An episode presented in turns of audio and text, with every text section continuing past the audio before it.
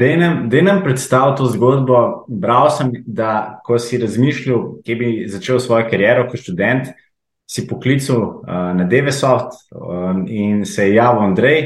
In zgodba se je začela, da te je vprašal, kje je jezik, znaš. Zdaj nam to predstavlja, potem je še Jure zamudil na tvoj razgovor. ja, ja. ja, se, se je mogoče taka zanimiva stvar, da recimo um, ena taka dobra podlaga, da sem jaz v Devesofti uh, začel delati ali pa tudi malo spel, sta bila dve stvari. Ena je bil kazino, ena je bil pa, uh, ena je bil pa da se mi dal daleč voziti. Uh, kazino je bil v tem smislu, uh, da sem v tistih časih študentskih še veliko igral, uh, igral Holden Poker, takrat je bila to zelo znana igra, pa dala se je zelo, bom rekel, kar matematično igratno. Uh, to smo veliko zavesjali, smo z enim kolegom igrali. Eh, pa bom pol povedal, kot pride z tukaj zaposlitev.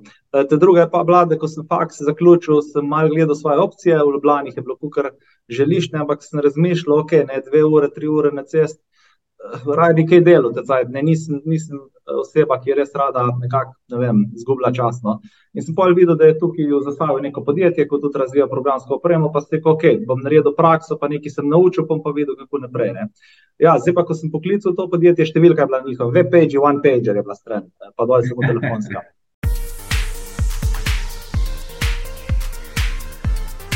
Dobrodošli v podkastu Beyond Leadership, kjer gostimo izjemne posameznike in odkrijemo nove dimenzije vodenja, njihove talente in recepte za uspeh. Z mano je danes en zelo poseben gost, katerega sem se jaz veselil, da ga končno zvabim, ker ima zelo, zelo poln urnik in dela izjemne stvari skupaj z ekipo. Tako da lepo pozdravljen, Tilen. Lepo pozdravljeni. Zdaj, preden greva pokukati v tvoje jemne izkušnje, na svete, poglede, kaj ste ustvarili, bi te jaz rad našim poslušalcem predstavil. Tako da, dragi poslušalci, danes je z mano Tilan Sotler in sicer CEO oziroma glavni izvršni direktor podjetja Devesoft, o katerem zelo veliko poslušamo in smo zelo ponosni, da je del slovenske zgodbe. Tako da Devesoft, oziroma kasneje se ga bo dotaknila, če greva prvo na te. Ti si že več kot 20 eh, let v podjetju Devesoft, praktično si se pridružil, ko je ekipa štela pet ljudi, In tudi tam je ena zanimiva zgodba, ki, je, ki jo boš pol predstavil, kako je izgledal tvoj prvi intervju. Uh, si diplomiran inženir računalništva in informatike, tudi zdaj zaključuješ MBA na ekonomski fakulteti. Tako. Zelo velik del svoje kariere si po svetu razvojal aplikacij in sicer za podjetja, kot je SpaceX, Daimler, Kawasaki, uh, Bosch, Hyundai in pa še mnogo, mnogo velikih imen, oziroma teh gigantov, ki jih vsi poznamo.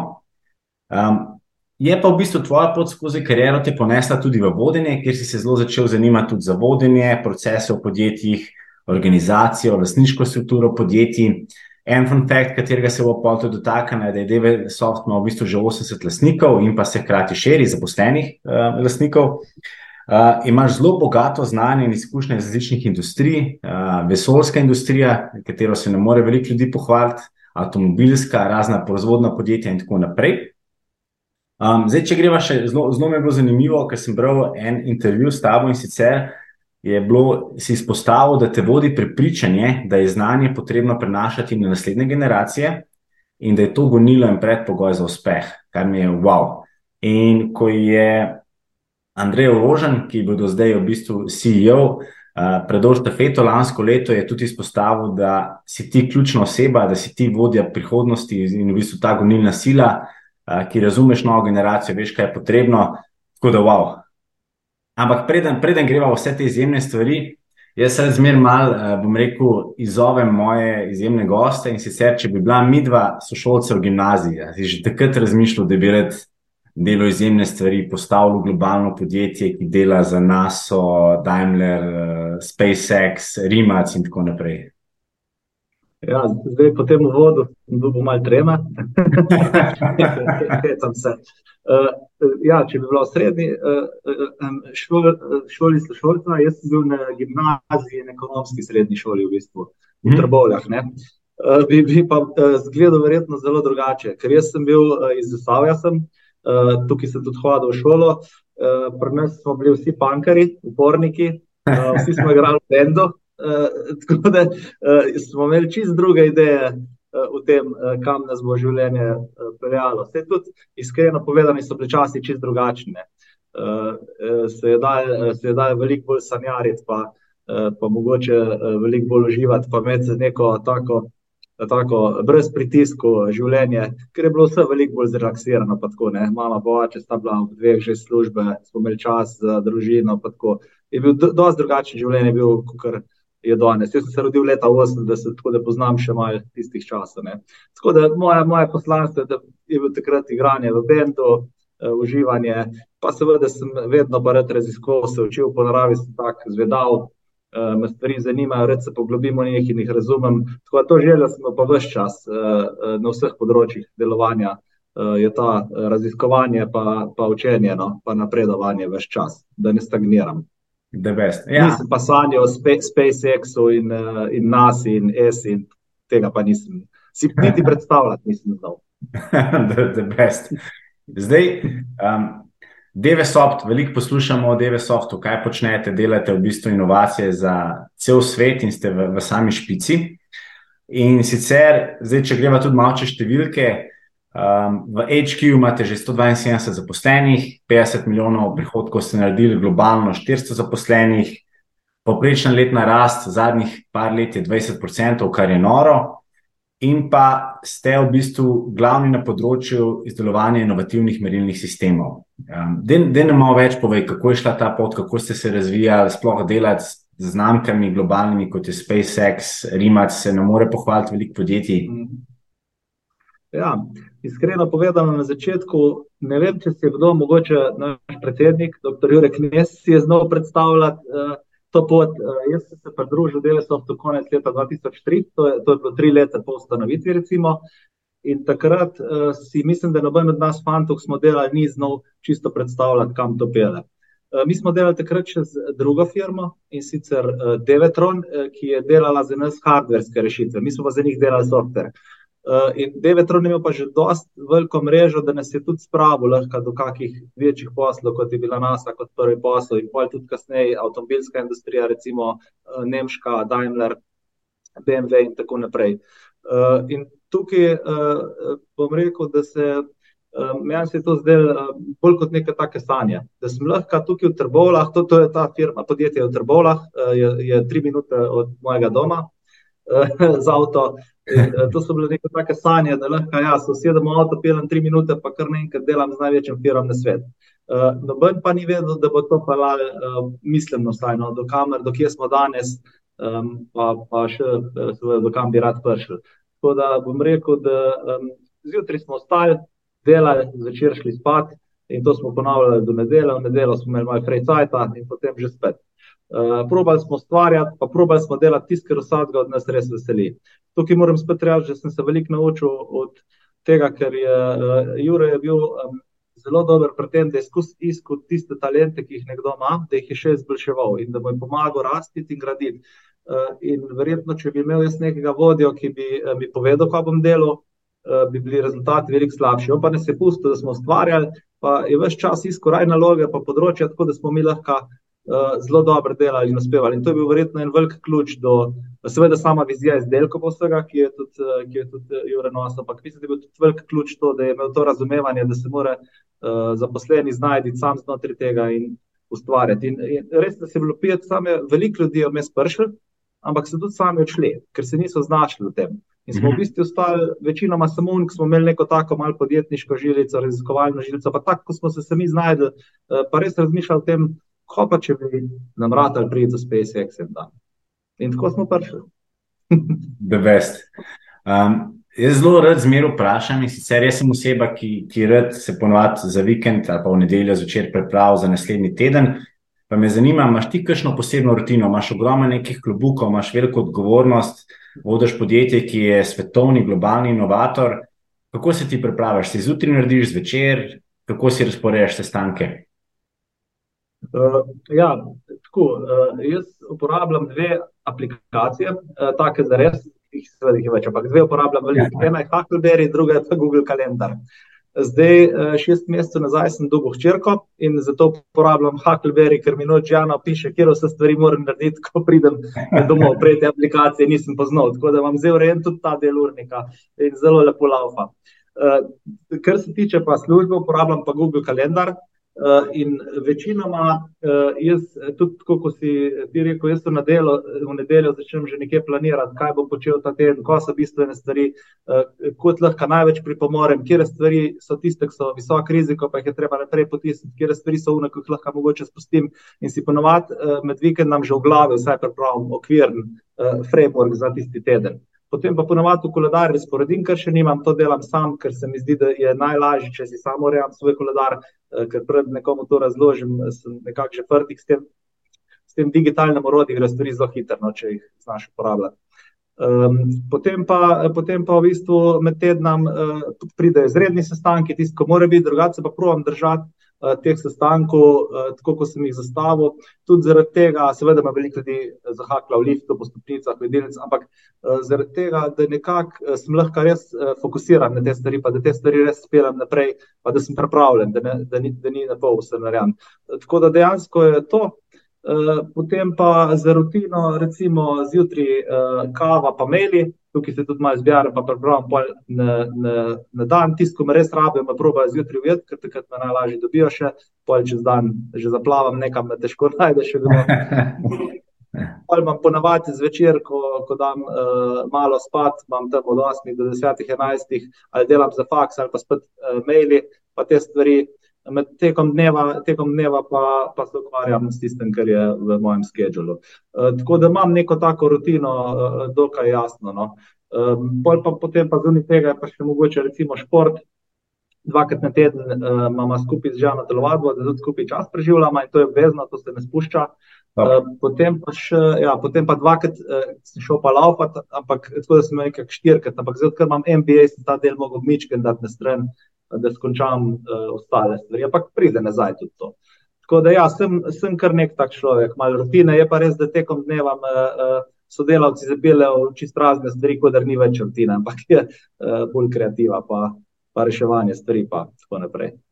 Da nam predstavim to zgodbo. Bral sem, da ko si razmišljal, kje bi začel svojo kariero kot študent, si poklical uh, na DVSoft um, in se je javil Andrej. In zgodba se je začela, da te je vprašal, kje je jezik. Zdaj nam to predstavlja, potem je še Jure zamudil na tvoj razgovor. ja, ja. ja, se, se je mogoče tako zanimiva stvar, da je um, ena tako dobra podlaga, da sem jaz v Devesofti uh, začel delati ali pa tudi malo spel. Sta bila dve stvari. Ena je bil kazino, ena je bil pa, uh, ena je bil pa da se mi dal daleč voziti. Uh, kazino je bil v tem smislu, uh, da sem v tistih časih študentskih še veliko igral, uh, igral Holden Poker, takrat je bila to zelo znana igra, pa dala se je zelo, bom rekel, kar matematično igratno. Uh, to smo veliko zavesjali, smo z enim kolegom igrali, uh, pa bom pol povedal, kot pride tukaj zaposlitev. Uh, ta druga je pa bila, da ko sem faks zaključil, sem malo gledal svoje opcije, v Ljubljani je bilo kukar želiš, ne, ampak sem razmišljal, ok, ne dve ure, tri ure na cest raje nekaj delo, ne, nisem, nisem eh, oseba, ki je res rada nekako, ne vem, zgubila čas. No. In sem pa videl, da je tukaj v zastavi neko podjetje, ki tudi razvija programsko opremo, pa se rekel, ok, bom naredil prakso, pa nekaj sem naučil, bom pa videl, kako naprej. Ne. Ja, zdaj pa, ko sem poklical to podjetje, številka je bila njihova, web page, one page je bila stran, pa dol sem telefonska. Sem je oglasil, Andrej, uh, orožen, torej uh, prejšnji direktor, moj kodirektor trenutno. Pa je rekel, pa je rekel, uh, je vprašal, uh, dve stvari. Te prvič, kdaj lahko pridem, drugič pa, kje jezike znam. Bo, jaz sem tukaj naštel programske jezike, Java, Python, vem, cel kup tega, da bi res izpadel, uh, da vem stvari. Ne, ne, ne, ne jaz sem mislil angliški, slovenski, hrvaški, kakšna firma je tu, ne, da se norci delajo že na začetku. Ampak to je naš humor, ko ga imamo še danes in je zelo zanimiv. Uh, tako da, ja, potem sem pa prišel na firmo, pa itak je bila standard v tistih časih, ker je Jure imel tukaj dela, eh, da si ga vedno čakal. Jaz to nisem vedel, no sem prvič v življenju nekoga čakal tukaj časa, mislim, sem moral povedati, da sem sedel na kavčine, ampak je tudi pojel naposled se pojavil. No. Pol je pa rekel, ok, me vprašaj dve stvari, pa sem jaz malo razlagal, pa rekel, veš, kako, potem mi ti raj pokaž, kaj si naredil. Ne. Pa sem pa rekel, ja, imam en program s sabo, ne, sem imel res en program s sabo in tu sem napisal Fruit Poker v Delfiju. Uh, to je bil pa keč v tem, da tam v kazino je, bil tudi, uh, se, je bila ena igra, ki se je rekla Fruit Poker.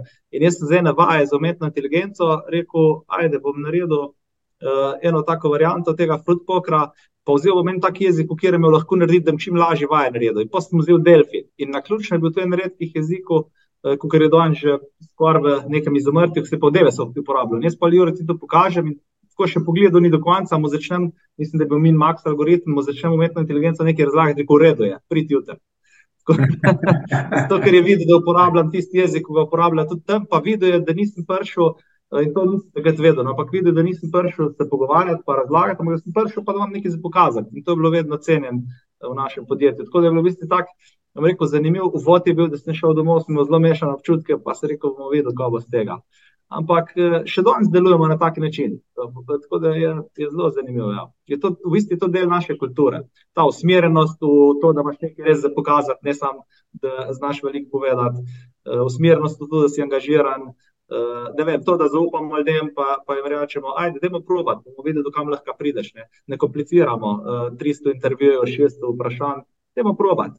Ne, tako da in, moram iskreno povedati, da se mi zdi, da ta del zaupanja danes je veliko zelo nizek, no? če gledam po firmah, po kolegih, da težko zaupajo, da bodo stvari narejene. Se mi pa zdi za samo vodenje. Recimo, ključno, no? da te prvo sodelavcem zaupaš, pa jim pustiš, da ustvarjajo, potem pa seveda pomagaš tem, ko ne gre, pa iščeš rešitve. Ne? In to se mi zdi, da je taka ena težjih lekcij v vodenju, no? da je zaupanje res ključ do uspeha. Um, vodje so pa malo nagnjeni do tega, velikrat, no? da težko prepustijo to. Se, se strinjam. Mi je zelo lepo, ker si začel tudi že, že naslednjo temo, ki me zelo, zelo zanima. In se tudi jaz sem oseba, ki sem že kar nekaj ekip vodil in tudi mene, sem imel zelo, zelo odlične šefe, menedžerje in, kot si rekel, zaupanje bo zmer, pa neko polnomočenje, se pravi, da nisi mikromanager. Pa me zanima ti, ko si zdaj postavljaš ekipe, kaj, kaj so glavne lasnosti poleg zaupanja, ki so ti pomembne?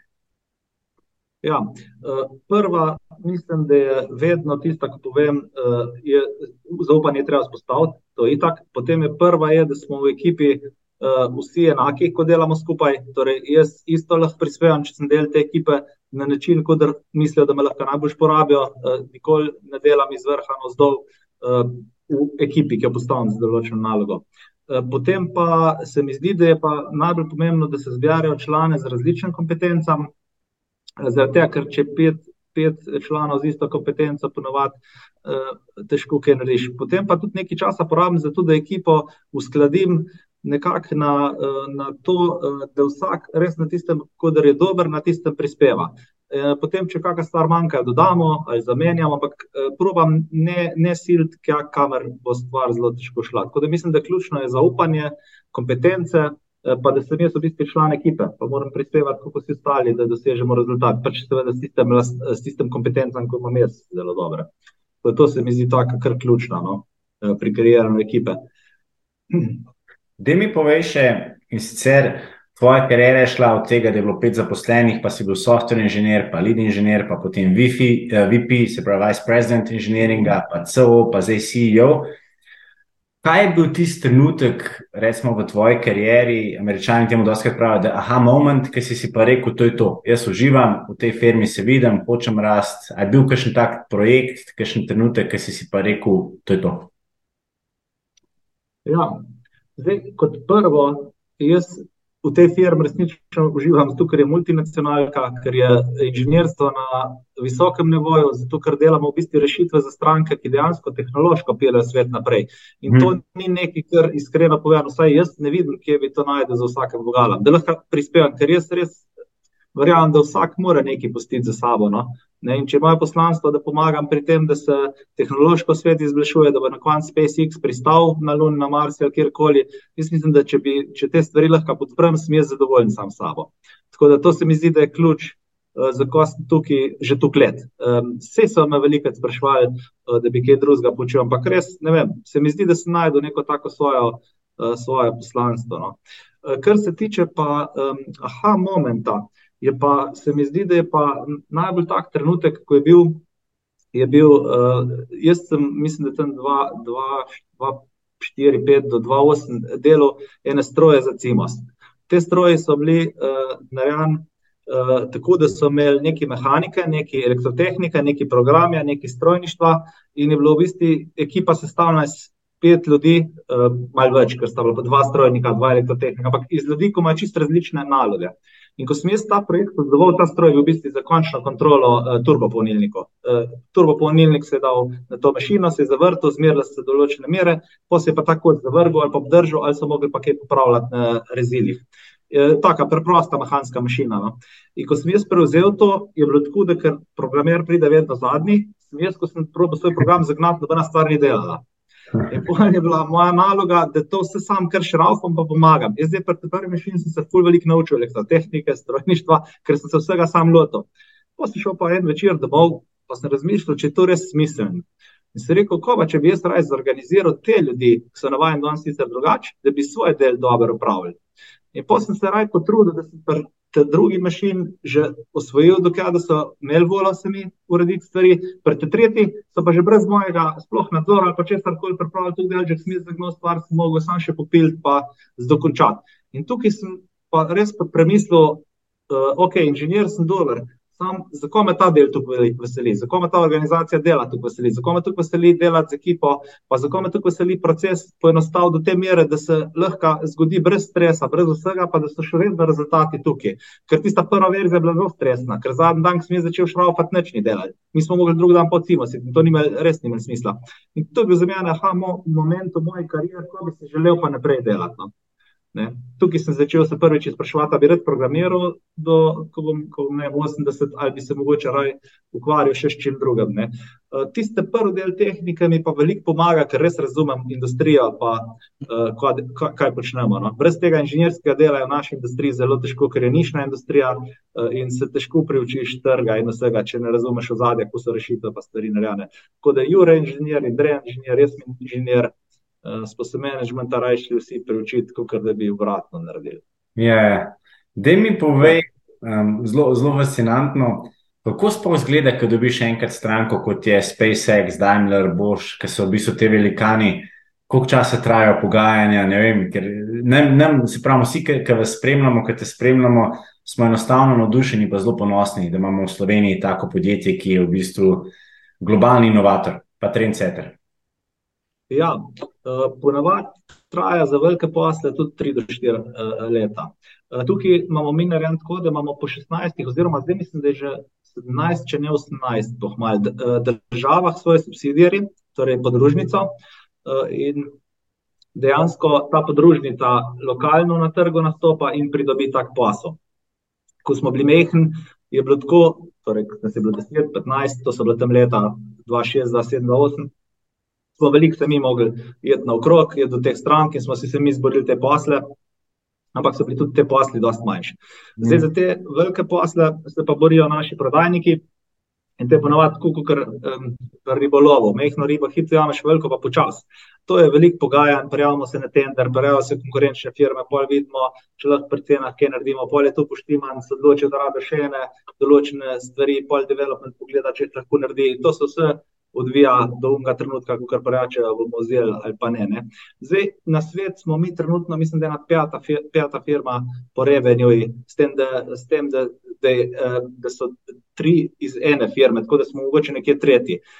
In tukaj ni, ni toliko velik firm v tem svetu, kot lahko sploh tu kompleksne sisteme izdelajo.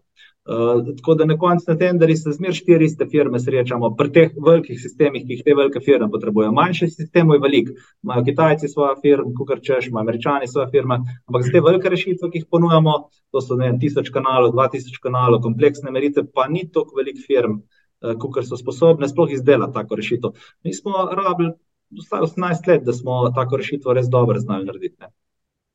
Tako da ja, počasi se daleč pride, je tukaj pregovor.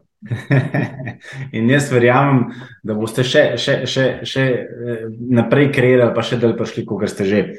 Da mi povej, in sicer DVSoft je tudi zelo znan po tem, da ima zelo zanimiv eh, lastniški poslovni model. In sicer vi ste v lastniško strukturo vključili že več kot 80 zaposlenih. Kako ste do tega prišli, čestitam, nora zadeva. Več podjetij bi mogli iti po vaši poti, da nam sploh razložiš, kako. Uh, ja, tukaj uh, je pa, mislim, da je tudi nekje leta 2016. Uh, je pa, mislim, da je Jure je, uh, po firmi lovu uh, en kup ljudi, da bi skupaj projekt dokončali. In pol je prišel pa rekel, Madonna Tile je rekel, tle me z deset naslov pa naokrog, ne, drug pa naredijo, dok jako naredijo, ne. Pa se rekel, se strinjam, ne, pa se pa je pa rekel, pa ko je bilo čas drugačne. Pa smo potuhtali, a mi smo bili, pa smo bili odvisni od svojega preživetja, ne. Zdaj smo pa velik, oziroma več, in kdorkoli pride, se mu zdi, da je pač prišel v firmo, ne. No, pa, pa mislim, da sta Jure in Andrej to natuhtala, straga, kako pa če bi mi naredili en tak sistem, kot ga omejhen startup, vse kot to misliš. Tako da bi bili ljudje so lastniki. Hm, ok, pa dejmo, ne. In to je bila tista ključna ideja, zakaj bi to sploh potrebovali. No. Uh, potem sta takrat uh, smo še zunanjega svetovalca vzeli, ko nam je pomagal postaviti ta model, ker je dokaj kompleksen, če ga sam hočeš narediti, kar neki, uh, kar neki stvari, ki jih moš pokriti. In potem smo to dali v, v akcijo, bom rekel. In to je zdaj, zdaj že kar, to je v 2016, mislim, da je bilo to narejeno, to je že kar nekaj zgodovine tega sistema. Uh, mislim, da deluje kar dobro. No. Ker je pa še drug uh, kovanc tega sistema, ko mrzikdo ne ve, pa da je tudi tako narejen, da je naša plača sestavljena iz uh, visokega variabilnega dela. To pa zaradi tega, da tudi dejansko iz tega variabilnega dela lahko pa tudi zaposleni kupujejo delež.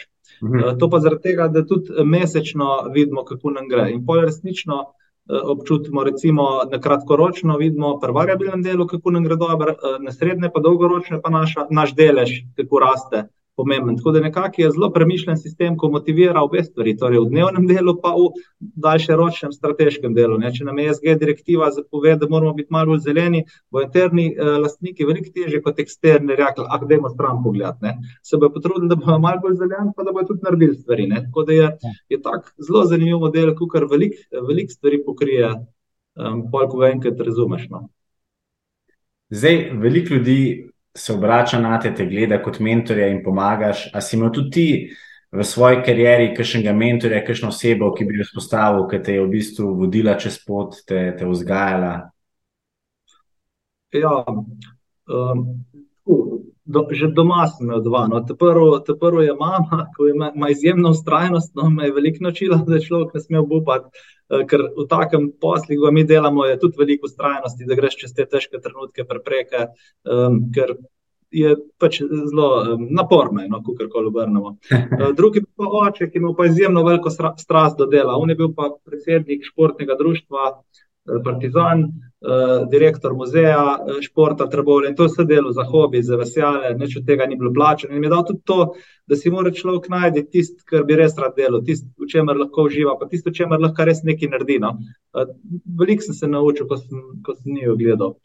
Potem pa, kar se tiče po podjetju, sta bila pa Jure pa Andrej, pa ta kor ekipa developerjev, ki so bili štiri, smo bili na začetku, ki smo, ki smo res gradili te ključne gradnike podjetja. No. To so mi pa mentori, um, bom rekel, eh, v dnevnem delu. Eh, ker jaz mislim, da je ena zelo pomembna stvar, je, če hoče človek napredovati, če hoče človek se izboljševati, mora imeti dosti samo refleksije, da tudi pogleda, komu gre dobro, komu gre slabo, kako lahko stvari izboljša.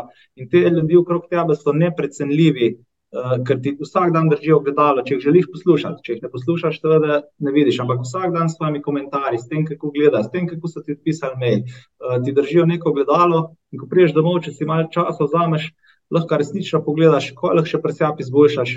Uh, in nekako se mi zdi, no, da je, je okoli nas je več mentorjev, kot mislimo, da jih je, ampak jih veliko ne opazimo, ker mm. nočemo poslušati, pa nočemo videti. Tako da to, to nekako so bili ljudje, ki so sigurno bistveno vplivali na me čez, uh, čez zgodovino, pa seveda uh, z mojo z mojo partnerko smo skupaj že tudi čez 20 let, no, da me je več čas podpirala. Je bilo veliko časa, me ni bilo pa tako naprej, in uh, tukaj pa tudi nekaj reči. In tudi je velika ti raka, da je nekaj komplicirati, sam narediti. Pa mi je dala spet malo energije, da sem zjutraj vstal, pa sem šel čez take stvari, kot so bile lahko težke. Tako da ja, tako, no, to so bili moji glavni mentori. Recimo.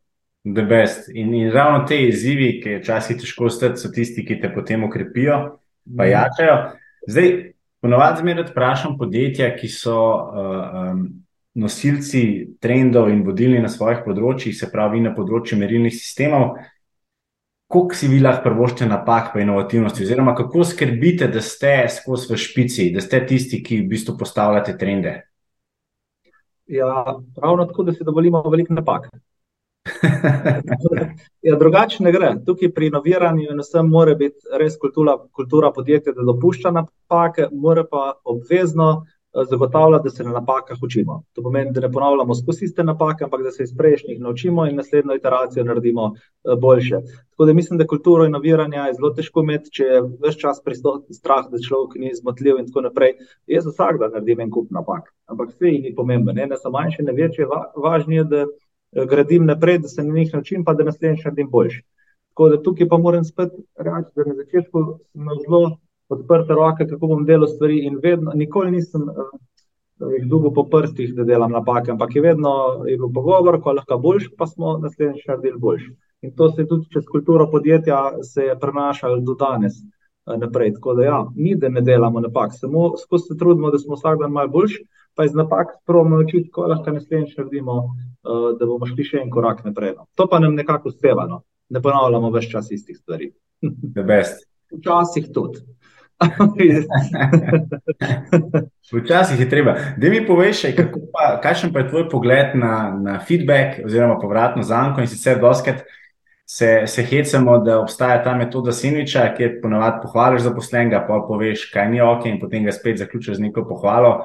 A ste prvi bolj direktni, odkriti, komunikacija je zelo jasna?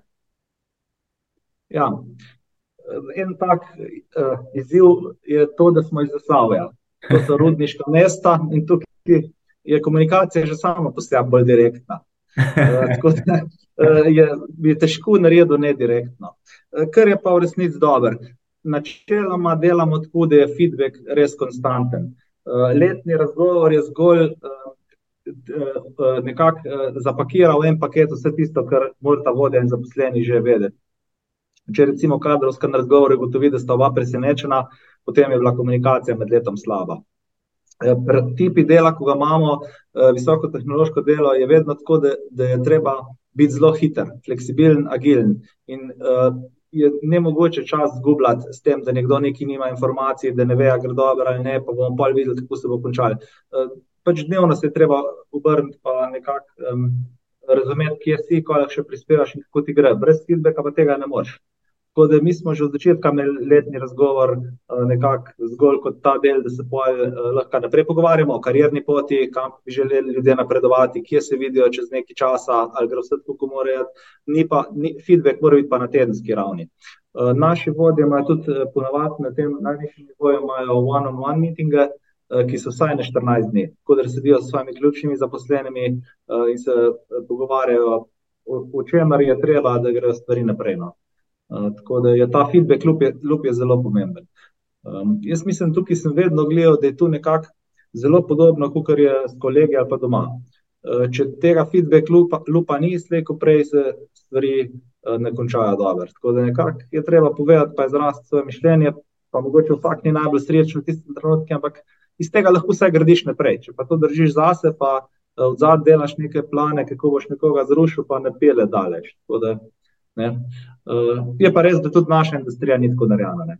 Velike firme, po 5000 zaposlenih, bodo drugače delale kot naša firma, 400 ljudi. To se pa lahko strinjam, tako da ne morem kar enačiti vsega. Ja, ja. ampak da, ja, feedback je pomemben. Ampak definitivno, kot si rekel, trbovle, ste, ste bolj direktni, tako da to, to, to v Ljubljani mogoče malo manjka, ali pa, ali pa še kje druge globalno. Da mi poveš, ja. v enem članku sem zasledil in sicer si zelo odlično odgovoril, Ko ste vprašali, kakšen je tvoj vsak dan v podjetju, in si odgovoril, neskončen projekt učenja, spreminjanja in razvoja. In mhm. če, če, če greva iz tega naprej, kako bi sebe opisal kot vodja, kaj so tvoje dobre lastnosti, kaj si mogel razviti tekom let, da si v bistvu dosegel, da podjetje raste in da boste še rastel naprej.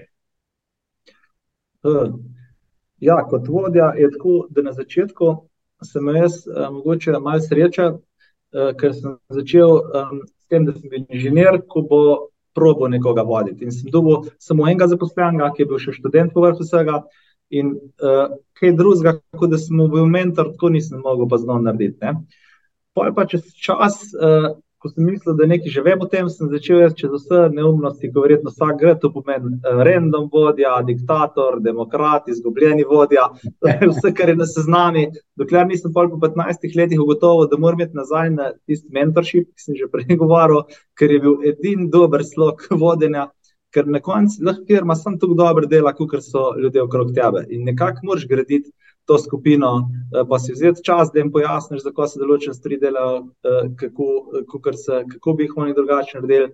In če bi, če bi gledal moj stil vodenja, resnično eh, je, je tukaj ta mentorski del najbolj prisoten. No.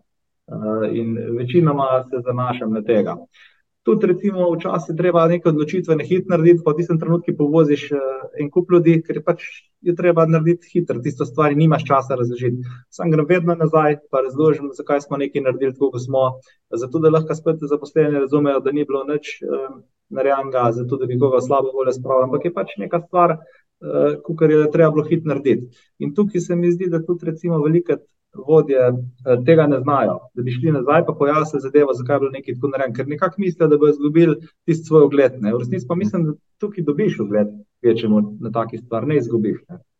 Uh, tako da ja, to je nekako moja osnova razmišljanja o vodenju. In sem navdušen in je res, kot si rekel, ne vem, če, če velikrat. Ljudje potem gremo pa pojasnimo v bistvu svoje dejanja, razmišljanje za tem, kar smo nekaj naredili. Kaj bi pa rekel, da je recimo tvoja glavna lastnost ali pa lastnosti, eh, ki te tudi drugi v bistvu pohvalijo, pa, pa vidiš, da, da si jih razvil ali pa jih imaš? Eh, sigurno je to, da sem sistematičen, analitičen in organiziran, uh, tako da so stvari večinoma, ko gre nekdo iz moje pisarne, jasne, zelo redko uh, grejo zmejaden ven. Pa, pa verjetno je tudi eh, to, da, da se dosti hitro znam odločiti stvari, pa da znam stvari takrat, ki treba premakniti naprej. Počasih tudi zaviham rokave, pa se jih kar sam lotim, pa pol ljudje sledijo od zadnje. Eh, včasih imam koga, ki je zelo zagret, pa, pa njemu dam nalogo, ampak mislim, da je, da je veliko to, da se znam hitro obrniti, pa uh, predstaviti stvari za en nivo naprej. Um, tako da pa mislim, da ta delno, da sem, da sem dokaj, dokaj jasen, ko opisujem stvari, je tudi veliko pomen, ker veliko je zmede pri slabi komunikaciji. No. Eh, če pogledam uh, mrzko na okolje. Če, če zaposleni ne razumejo dobro, kaj je nekdo skomuniciral, ne, ker nekdo misli, da je komunikacija tudi nekaj povedal. Komunikacija je tudi res jasno pove, razloži, kaj bi retne. Uh, in veliko je zmeda pri sami komunikaciji, da zaposleni ne vejo točno, kaj se od njih pričakuje, zakaj to, to stvar počnemo. Da pa jasno skomuniciraš, treba veliko več časa si vzeti. Tako da to so take. No komunikacija, organiziranost, analitičnost, pa ne vem, quick decision making. No. Da mi povej, koliko pa misliš, glede na to, da ste vi visoko tehnološko podjetje in da je zelo veliko zaposlenih, zelo izobražen kader, inženirji, da je pa pomembna tudi ta empatija, pa komunikacija napram kakšnim podjetjem, ki so mogoče manj tehnološka, manj napredna. Ja, jaz mislim, da sploh za mlajše generacije, ki prihajajo z fakultet, uh, je zelo pomemben ta del. Uh, ko sem jaz začel delati tukaj, uh, sem, sem dobil en računalnik, pa dobil sem en kod, pa računalnik imel tipkovnico, da sem tako le sjadil, pa gor sem bil monitor, pa se noben ni sekiral, jaz pa tudi ne, ker smo bili mogoče mičken druga generacija, vsi isto oblečeni, vsi isto obut, pa pač to je delo mest pa ustvari. Ne. Eh, in se nismo tudi mogoče sekirali. Danes pa imajo ljudje čist druga vprašanja. Že ko pridejo na razgovor, sprašujejo eh, čist druge stvari, kot smo jih recimo mi. Eh, bom rekel, že za plače veliko me vpraša, kakšna je usmeritev podjetja, kako prispevate v globalne izboljšave, kako čist drug pogled ima. No? In tudi um, se mi zdi, da je tukaj en zelo pomemben del, da jim znamo tudi prisluhniti in jim odgovoriti na ta vprašanja. Jaz sem aktivni poslušalec, pravim biti tudi empatični poslušalec. Uh, je zelo težko se da, ampak se mi zdi, da to za vodjo si mora vzeti čas, ampak mora vedeti, kdaj so ti izključeni. Eh, trenutki. Ne? Zdaj, če me nekdo ujame na hodniku, da bi sam še en, uh, eno stvar naložil na hrbet, mogoče se, ni potrebno, da se kar ustavim. Če pa pride en sodelavec s težavami ali pa s čemerkoli, pa da moramo razreševati, pa treba vzeti čas, zapreti laptop, pa se pogovoriti. Pa tudi, če bom tri ure dali v službi zaradi tega, ampak je treba pogledati, uh, kje lahko pomagamo, pa kako lahko obrnemo. Uh, tako da to se mi zdi, da je zelo pomembno. No. Pa ne, ni samo, to je pa zanimivo, ni samo za razvoj to, Mi smo zelo kompleksno podjetje, ker imamo razvoj, proizvodno in servis. Tako da v bistvu vse stvari pokrivamo zato nas je tudi uh, mogoče malo več na višjem nivoju, ker je kar težko upravljati vse to. Mm. In tukaj, tukaj, recimo, tudi za proizvodne delavce in podobno, imamo visoko tehnološko proizvodno, tako da ni klasična proizvodna in je ista, ista težava, isti izzivi. Uh, isto potrebujejo ljudje, da jim nameniš nekaj časa, pa vse smo nekako vsi zelo podobni. Da, mislim, da je to zelo pomembno. No, to tudi naredi veliko razliko, se mi zdi, če nekoga poslušamo ali pa ne. ne. Pa mm. tudi mogoče to, da poslušamo, pomeni, da tudi nekaj naredimo. Včasih nekdo pravi, da je res odličen poslušalec, vse čas res rabimo, sem to čas, pa rabimo tudi, da se neka akcija zgodi. Ne. Res je. Tako, ja. Je pa to ena stvar, če si me že vprašal, na kjer bom tudi jaz razmišljal, kako za aktivnega poslušalca priti še malo bolj empatičnega. To, kar mi še malo manjka. to tudi Džana, prav, tako da bo verjetno res. The best. Um, da mi poveš, še zmeraj malo sprovociram moje izjemne goste in sicer, če bi lahko v preteklosti ali po svoji karieri šel nazaj, ali bi kaj spremenil? Ja, to, to, to sem že večkrat vprašal, pa večkrat sem razmišljal. Um, pa vedno pridem, da veliko prav ne. Ker, ker vse te detajle, čez kire uh, greš, pač moraš jeti. Ne vem, kako bi lahko um, te stvari naredil drugače. Če bi jih znal, bi jih verjetno že takrat. Tako da, ja, sigurno, majhne stvari, majhne napake, ko sem jih delal, ko ne bi bilo treba. Ponavadi, ponavadi uh, mislim, kar sem jaz razmišljal, nikoli nisem najdel, da bi znal kaj. Okay, veliko drugačen. Pač moraš čez vse te stvari, pa eh, vsakič eh, se nekaj novega naučiti, ker tukaj pa res izkušnje veliko tudi pomenijo no, z vseh teh področji. Ne. Ena stvar, ko bi jo naredil drugače, pa tudi ne vem, če bi jo um, takrat razumel, je, da bi prej prebral uh, knjigo od Andyja Gruva High Output Management, pa bi mogoče ene stvari hitreje razumel, kot da sem se sam mogel dokopati do njih. Uh, ampak tudi vprašanje, še, še danes, če to knjigo preberem, se mi zdi uh, neverjetno in vprašanje, če bi deset let nazaj sploh razumel, kaj Andy Groove opisuje. Tako da ja. nisem siguren, če se da karkoli preskočiti. Mislim, da je pot taka, kako je, in moš pač slediti, pa, pa uh, boš prišel do ne, nekam. Ne. Res je, kot si rekel, mogoče v različnih fazah življenja, kakšne stvari drugače dojemamo, pa čeprav mogoče isto prebereš nek stavek, ti mogoče malo drugače rezonira. Um, da mi poveš, se pravi, danes živimo v, v zelo digitalno naravnanem svetu, tempo je zelo hiter, veliko se dogaja, veliko informacij dobimo. Eh, danes ne bi praktično en, ena oseba dobila za več knjig informacij v enem dnevu, ker sto let nazaj si ti v celem življenju dobil za eno knjigo informacij. Pa me zanima, kako skrbiš za svoj stres oziroma ta work-life balance. Uh, ja, predvsem tukaj je ena stvar, ko je uh, šport. Eh, to, to veliko pomaga. Drugo, ko je neka rutina, do neke mere, da, eh, da, da se počuti človek, bom rekel, eh, varno, da ni, da ni vsak dan vse drugače. Potem zadnje čase je res veliko časa preživim z družino in tukaj tudi recimo je ščirka ena taka, tako, taka stvar, ko jo vzameš v roke, tu zelo pomirja tako da uh, mi tudi pomaga pri stresu.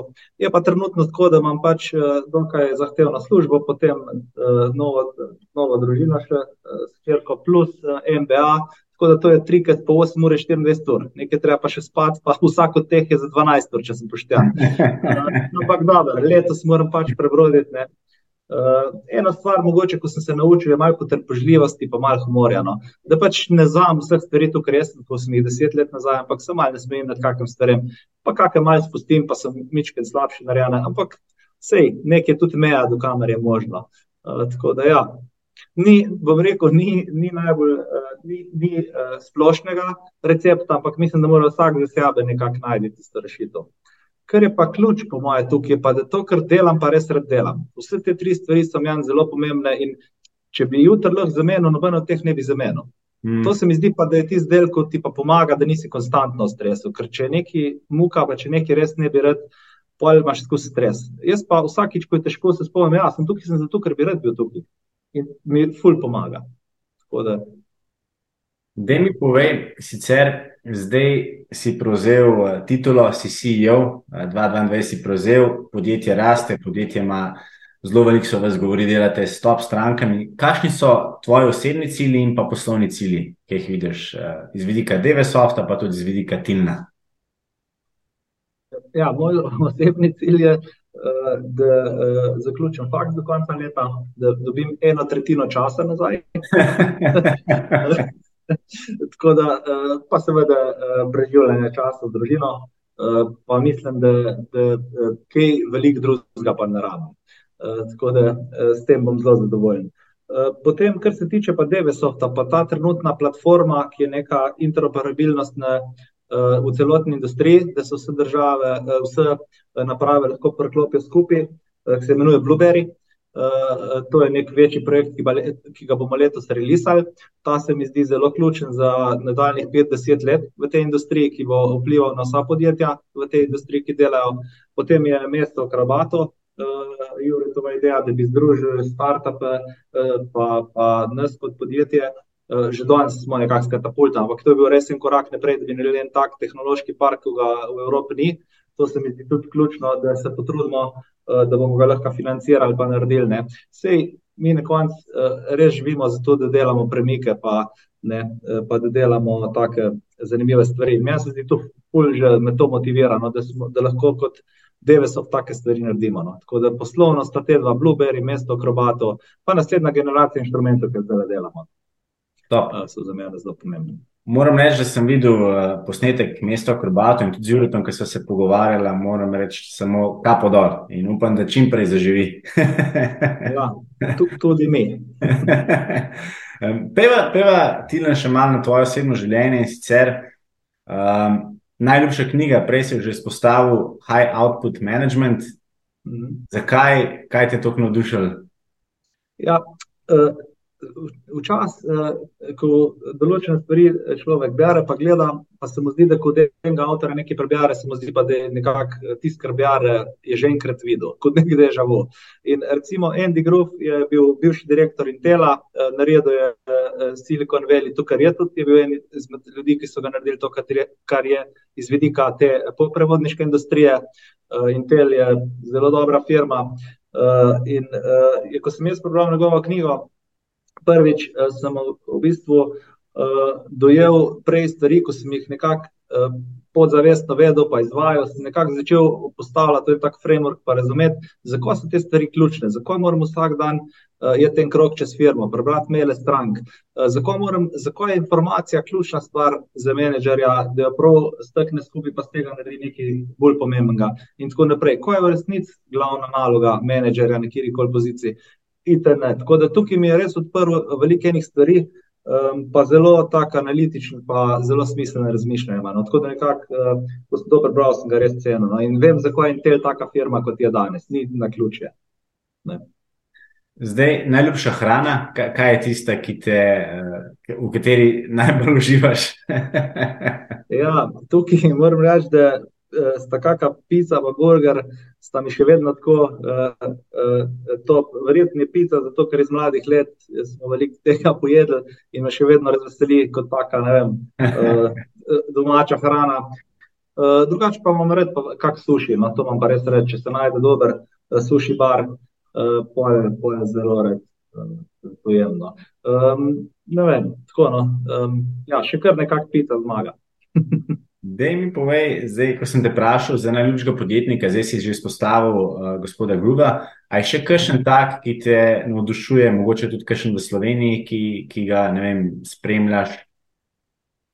Ja, tukaj bom rekel, da večinoma, moram iskreno povedati, tukaj mi je Jure res zgled. Torej, naš prezident, zaradi tega, ker pač veliko stvari sem se od njega naučil, še vedno mu ne zmanjka idej, še vedno vsak dan zjutraj vstane, so slabi dnevi, so dobri, pa ima tisto energijo, dajmo narediti, gremo naprej.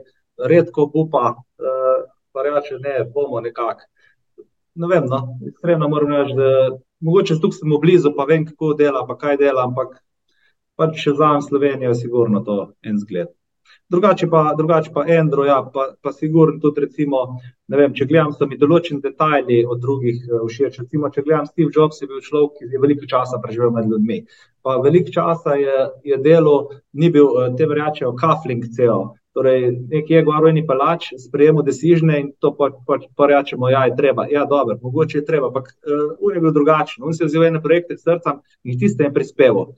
In je naredil z tistih en rezultate. In ta recimo detajl mi je zelo všeč, ker se mi zdi, da če imaš določene talente pa znanja, zaradi titule jih dati na stran nima nobenega smisla. Uh, tako da veliko takih detajlov, recimo določenih vodi mi je všeč. No? uh, kar me spodbujajo. In vedno, ko berem kako njihovo knjigo o njihovem življenju, si pa vzamem ven tisti, ker je meni zanimiv, pa probujem videti, kje je to lahko uporabno. Ja. Zdaj, že prej sem omenil dve aplikaciji in sicer Google Calendar in Huckleberry, ampak če danes odpreva zdaj le tvoj telefon, kje so še kakšne aplikacije, ki so ti blizu, pa jih rado uporabljaš? Ja, bom odprl. Velikih je. Uh, no, um, recimo, tale uh, uh, Evernote, to je moja osnovna aplikacija, uh, s katero v bistvu si organiziram vse stvari. To pomeni, da v bistvu iz vseh sorsov, ki jih dobim, torej maili, PDF-ji, Slack, uh, Discord, vse informacije, ko imam, si pošiljam v Evernote, pa jih tam organiziram. In recimo, pol sklope delam skupaj, in pol, ko delamo naslednje korake. Eh, grem čez te stvari, to so večinoma zmetane stvari skupaj, brez smisla, mogoče pa ko jih preberem, ko ujamem še druge informacije od stran, začnem pa graditi določene stvari, uh, ki se mi zdijo ključne. Tako da Ever, Evernote je sigurno zelo pomembna. Potem uh, The Economist, mogoče, to je en, en izmed časopisov, ki ga vsak dan odprem. No. Uh, zdaj se veliko stvari dogaja na kitajskem, uh, Amerika, če zdaj več podjetij deva na sankcijske liste, je težje dostavljati. Recimo vsak dan preberem malo Eh, kje se nahajamo, kakšne situacije si tudi drugih, da nisem eh, biased, ampak recimo, da ekonomist je taka osnova, ker sem se pač odločil za en časopis, eh, ki ga res spremljam. No. In tukaj pogledam malo stvari po svetu, da dobim malo občutka, ko moramo paziti, kje se nam lahko kaj zakomplicira, kva se stava nam dogajamo, še dobili čipe, ne bomo dobili čipov. Tako da nekako je nekak sigurno Evernote pa, pa ekonomist, ta dve take ključne. No. Drugače je pa tudi vidim na 40. Veliko uporabljam različne aplikacije. No. The best. Um, da mi poveš, ker sem te vprašal za naj citat, si mi napisal, vsake svoje sreče kovač. ja, eh, ta, ta je včasih tako malo hodomušen, pa je mogoče tudi kdo nekaj uh, poskočil ob tem, ko ga rečem, da lahko imaš pozitiven ali pa negativen in glih to je čar tega, tega citata. To pa nekako mislim na tak način, kot sem prej rekel, da vsak mora najti tisto, kar dela, če je to kuhna, ne kuha, če je to Eh, neki zvečer, ne tisti počne, ampak res mislim, da mora najti tisto, v čemer je dober in potem lahko kuješ svojo srečo, ker to je zadovoljstvo, pa sreča zelo subjektivna. No. In mislim, da vsak uh, si je sposoben sam vse en prečarati, en dober ali pa en svet slab, ne, uh, slab svet. Ne. In uh, je, je mišljen ta citat pozitivno. Da, da, si pač ne, da si najdeš to, kar čemer si dober, pa se ti zga držiš, pa si lahko zadovoljen in srečen. Je pa, je pa malo hodomušen, ker včasih kdo res poskoči, ker misli, da je za frkancem. Ja, tako mislim. No. Mislim, da bodo zdaj poslušalci še bolj spoznali in bojo videli, da, da je mišljeno v pravem namenu in v pravem pomenu. Uh, Tilan, peva še na najpomembnejše vprašanje in sicer, sicer imamo že zelo lepo število poslušalcev, od mladih študentov, podjetnikov, pa tudi vse do izkušenih uh, podjetnikov, menedžerjev, članov uprav.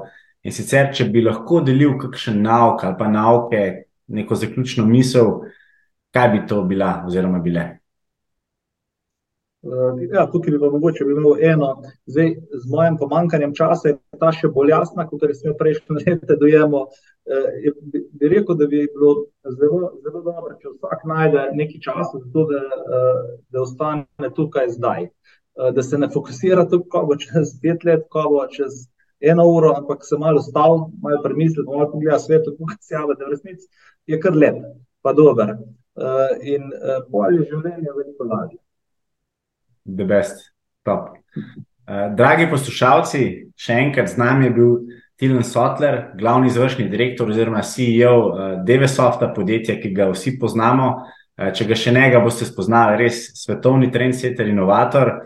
Tako da, Tilan, Vem, da si tudi mentor, imaš ogromno nekih klubukov, si izjemen direktor in verjamem, da boš popeljal DVSOF še naprej. Tako da še enkrat najlepša hvala za tvoje izjemne izkušnje, poglede na svete.